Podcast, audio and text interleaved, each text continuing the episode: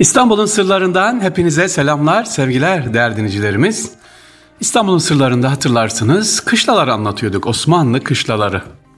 Geçtiğimiz günlerde Rami Kışlası'nı, Davutpaşa Kışlası'nı anlatmaya çalıştık. Şimdi sizlere Taş Kışla hakkında bilgi vermek istiyorum. Taş Kışla. Hani Taksim'de Gezi Parkı vardı biliyorsunuz. Oradan gidiyoruz ve tarihi bir kışla. İstanbul Teknik Üniversitesi'ne ait şu anda. Bu taş kışla çok önemli. Başından bakın neler neler geçmiş. Osmanlı döneminde 1846-1852 yıllar arasında İngiliz mimar Williams James Smith tarafından ve Osmanlı kalfası İstefan tarafından yapılıyor. Yapı Rönesans üslubu kullanarak mektebi tıbbiye şahane olarak aslında düşünülüyor. Yani askeri tıbbiye olarak düşünülüyor. 1853-56 Kırım Savaşı'nda Fransız askerlerinin tedavisi için hastane olarak kullanılmış. Savaştan sonra Taşkışla uzunca bir süre kullanılmadığı için 1860 yılında tamir edilerek Dolmabahçe Sarayı'nı korumak amaçlı askeri kışla olarak artık kullanılmaya başlamış. Yani önce hastane sonra koruma amaçlı kışla. 31 Mart olayları var biliyorsunuz Abdülhamit Han'ı tahttan indirmek için çık başlayan olaylar Taşkışlan içinde kalan avcı taburu ile hareket ordusu birlikler arasında burada çarpışmalar oluyor sevgili dinleyiciler. Evet iki ordu düşünsenize iki aynı ordu avcı taburu ile hareket ordusu birbirine giriyor burada. Cumhuriyetin ilanından sonra Taşkışla marif vekaletine yani milli eğitime devrediliyor. 1943-50 yıllar arasında ikinci büyük onarımdan geçtikten sonra İstanbul Teknik Üniversitesi rektörlüğüne mimarlık ve inşaat fakültesi olarak kullanılmaya başlanmış. 1983 yılında burası Eski Eserler ve Anıtlar Yüksek Kurulu tarafından birinci sınıf tarihi eser olarak listeye alınmış. Burada Maslak'taki yerine taşınıyor İstanbul Teknik Üniversitesi. Burası da yine mimarlık olarak kullanılmaya başlamış. Ama Taşkışla'nın boşaltılması gündeme geliyor o yıllarda. Niye? Ee, buranın çok önemli şimdi dinleyelim 49 yıllığına otel yapılmak üzere bir firmaya kiralanmış tarihi kaşkışlamış otel oluyordu. E şimdi ne? Şimdi üniversite olarak elhamdülillah devam ediyor. Uzun çalışmalar, itirazlar sonunda yürütme durduruluyor ve İstanbul Teknik Üniversitesi'ne tekrar veriliyor. Evet tarihi taş kışla var ya başından neler geçti. Hastaneydi, kışla oldu ve otel olacaktı. Şimdi İstanbul Teknik Üniversitesi'nin Mimarlık Fakültesi'nin eğitim binası olarak devam ediyor efendim. Tarihi taş kışlamız. Kışlaları anlatıyoruz İstanbul'un sırlarında. Şimdi sıra Orhaniye Kışlası. Orhaniye Kışlası acaba nerede? Adını duyduk ama nerede? İstanbul'da Yıldız Parkı'nın kuzeydoğusunda bulunan ve halen İstanbul Merkez Komutanlığı olarak kullanılıyor sevgili dinleyiciler. Yıldız Parkı'na girerseniz sağ tarafta böyle parka girir hemen onun karşısında da Orhaniye Kışlası vardır. Orhaniye Kışlası bugün Yıldız Sarayımızın dış duvarlarında bir yol ile ayrılıyor. Aradan bir yol geçiyor. Kışlanın saraya bu kadar yakın yapılması ise sarayın güvenliği ile doğrudan bağlantı olduğunu tabi düşünebiliriz. Kışla Kapısı'nın ve Kışla Camii'nin üzerinde yapılan kitabede 1887'de 2. Abdülhamit Han tarafından atası Orhan Gazi'ye ithafen yaptırıldığı yazılıdır. Yani Osman Gazi'nin oğlu Orhan Gazi ithafen yaptırılmış efendim 2. Abdülhamit Han tarafından. Sevgili dinleyicilerimiz Orhaniye Kışlası'nı duydunuz mu bilmiyorum. Taş Kışla'yı duydunuz ama Orhaniye Kışlası da hemen Yıldız Park'ın karşısında. E, ikinci Abdülhamit Han tarafından yine e, silahhane olarak yapıldığı yazılan bu mühimmat, mühimmat ambarı da kullanılan bina uzun yıllar bu amaçla kullandıktan sonra 1960'larda Burası Orhaniye Kışlası askeri cezaevi olarak kullanılmış bir müddet. 1979'da da Merkez Komutanlığı'na devredilmiş.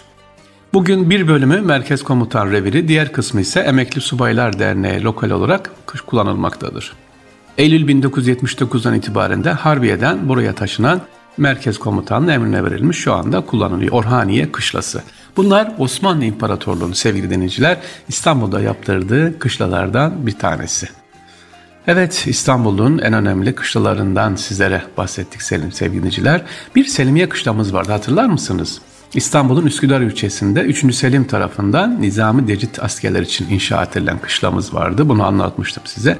Kırım Savaşı'nda yine İngiliz askerlerine burası tahsis ediliyor. Florence Nightingale'in burada kışlaya giderek yaralı İngiliz askerlerinin tedavi görevini aldığı yerlerden bir tanesi. Başka bir diğer kışlamız Rahmi Kışlası. Rahmi Kışlası da önemli sevgiliciler.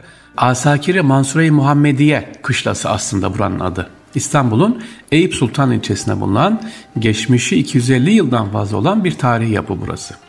Ama adına dikkat edin. Biz Rami Kışlası diyoruz geçiyoruz ama Asakiri Mansure-i Muhammediye Kışlası.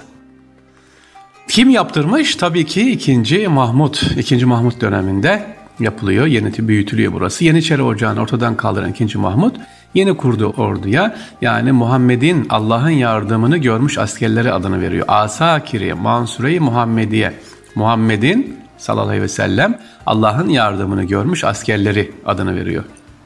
Levent'teki Yeniçeri kışlaları top atışıyla yıkıldığı için şimdi bakın kendi kışlamızı maalesef top atışıyla yıkıyoruz. O zaman da demek ki 15 Temmuz yaşamışız. Yani her dönemde böyle oluyor. Allah ordumuza, devletimize, milletimize zeval vermesin sevgili dinciler. Levent'teki Yeniçeri kışlaları top atışıyla yıkıldığı için yeni kurulan ordunun askerleri Rami kışlasına yerleştiriliyor. Burada 1837'de mühendishane öğrencileri Rami Kışlası'nda bulunan Mektebi Harbiye taşınınca Fünunu Harbiye Mansuri adıyla anılmaya başlanmış. Peki Rami Kışlası ne oldu Cumhuriyet döneminde? Ee, orduya yine Cumhuriyet'te orduya hizmet veren Rami Kışlası 1800'lü 1980'li yılların başında Genelkurmay e, tarafından dinlenme ve istirahat alanı yapılmak şartıyla İstanbul Belediyesi'ne devrediliyor. Kışlanın içerisindeki e, birinci ordu askerleri İstanbul dışında yeni inşa edilen kışlalara taşınarak Rami Kışlası boşaltılmış. Kullanım hazır bir durumda boş olarak belediyeye teslim edildi. Peki sonra ne oldu? İstanbul'un göbeğinde 220 bin metrekare araziye sahip olan bu Rami Kışlası İstanbul Belediyesi önce kışlanın dev binasını kültür merkezi, askerlerin talim yaptığı büyük arazide park, yüzme havuzları, futbol, basket, spor alanları için proje hazırladı. Fakat İstanbul'un nefes alacağı Gülhane Parkı gibi bir dinlenme ve istirahat alanı olması şartıyla devredilen kışla 1986 yılında Bedrettin Talan tarafından gıda toptancılarına tahsis edildi. İşte e, Rami Gıda Merkezi burası oluyor. Aslında ne olacaktı Rami Kışlası? İkinci bir gülhane olacaktı sevgiliciler. İkinci bir gülhane park olacaktı. Ormanlaştırılacaktı ama olmadı. İnşallah şimdi tekrar tadilatı başladı. E, ön tarafı böyle giderseniz giderken görürsünüz Eyüp Sultan'dan dönünce. İnşallah dediğimiz gibi ikinci bir gülhane olur Rami Kışlası. İstanbul'un sırlarında sevgiliciler İstanbul'un kışlalarını sizlerle birlikte inşallah gördük. Ee, dileğimiz bu kışlalar ya da hangi eser olursa olsun sevgili hangi eser olursa olsun, hangi amaçla yapılmışsa ya da hangi amaçla vakfedilmişse inşallah o amaç üzerine e, kullanılır da e, vakıf ruhuna, vakıf senedine ya da vakıf sözleşmesine aykırı olmaz. Düşünün Rami Kışlası güzel bir park olacakken gıda merkezi olmuş ya da işte taş kışla otel olacaktı döndü bunun gibi. İstanbul'un sırlarından hepinize selamlar sevgiler değerli dinleyicilerimiz. Allah'a emanet olunuz inşallah kolay gelsin diyorum. Esselamu Aleyküm ve Rahmetullah ve Berekat.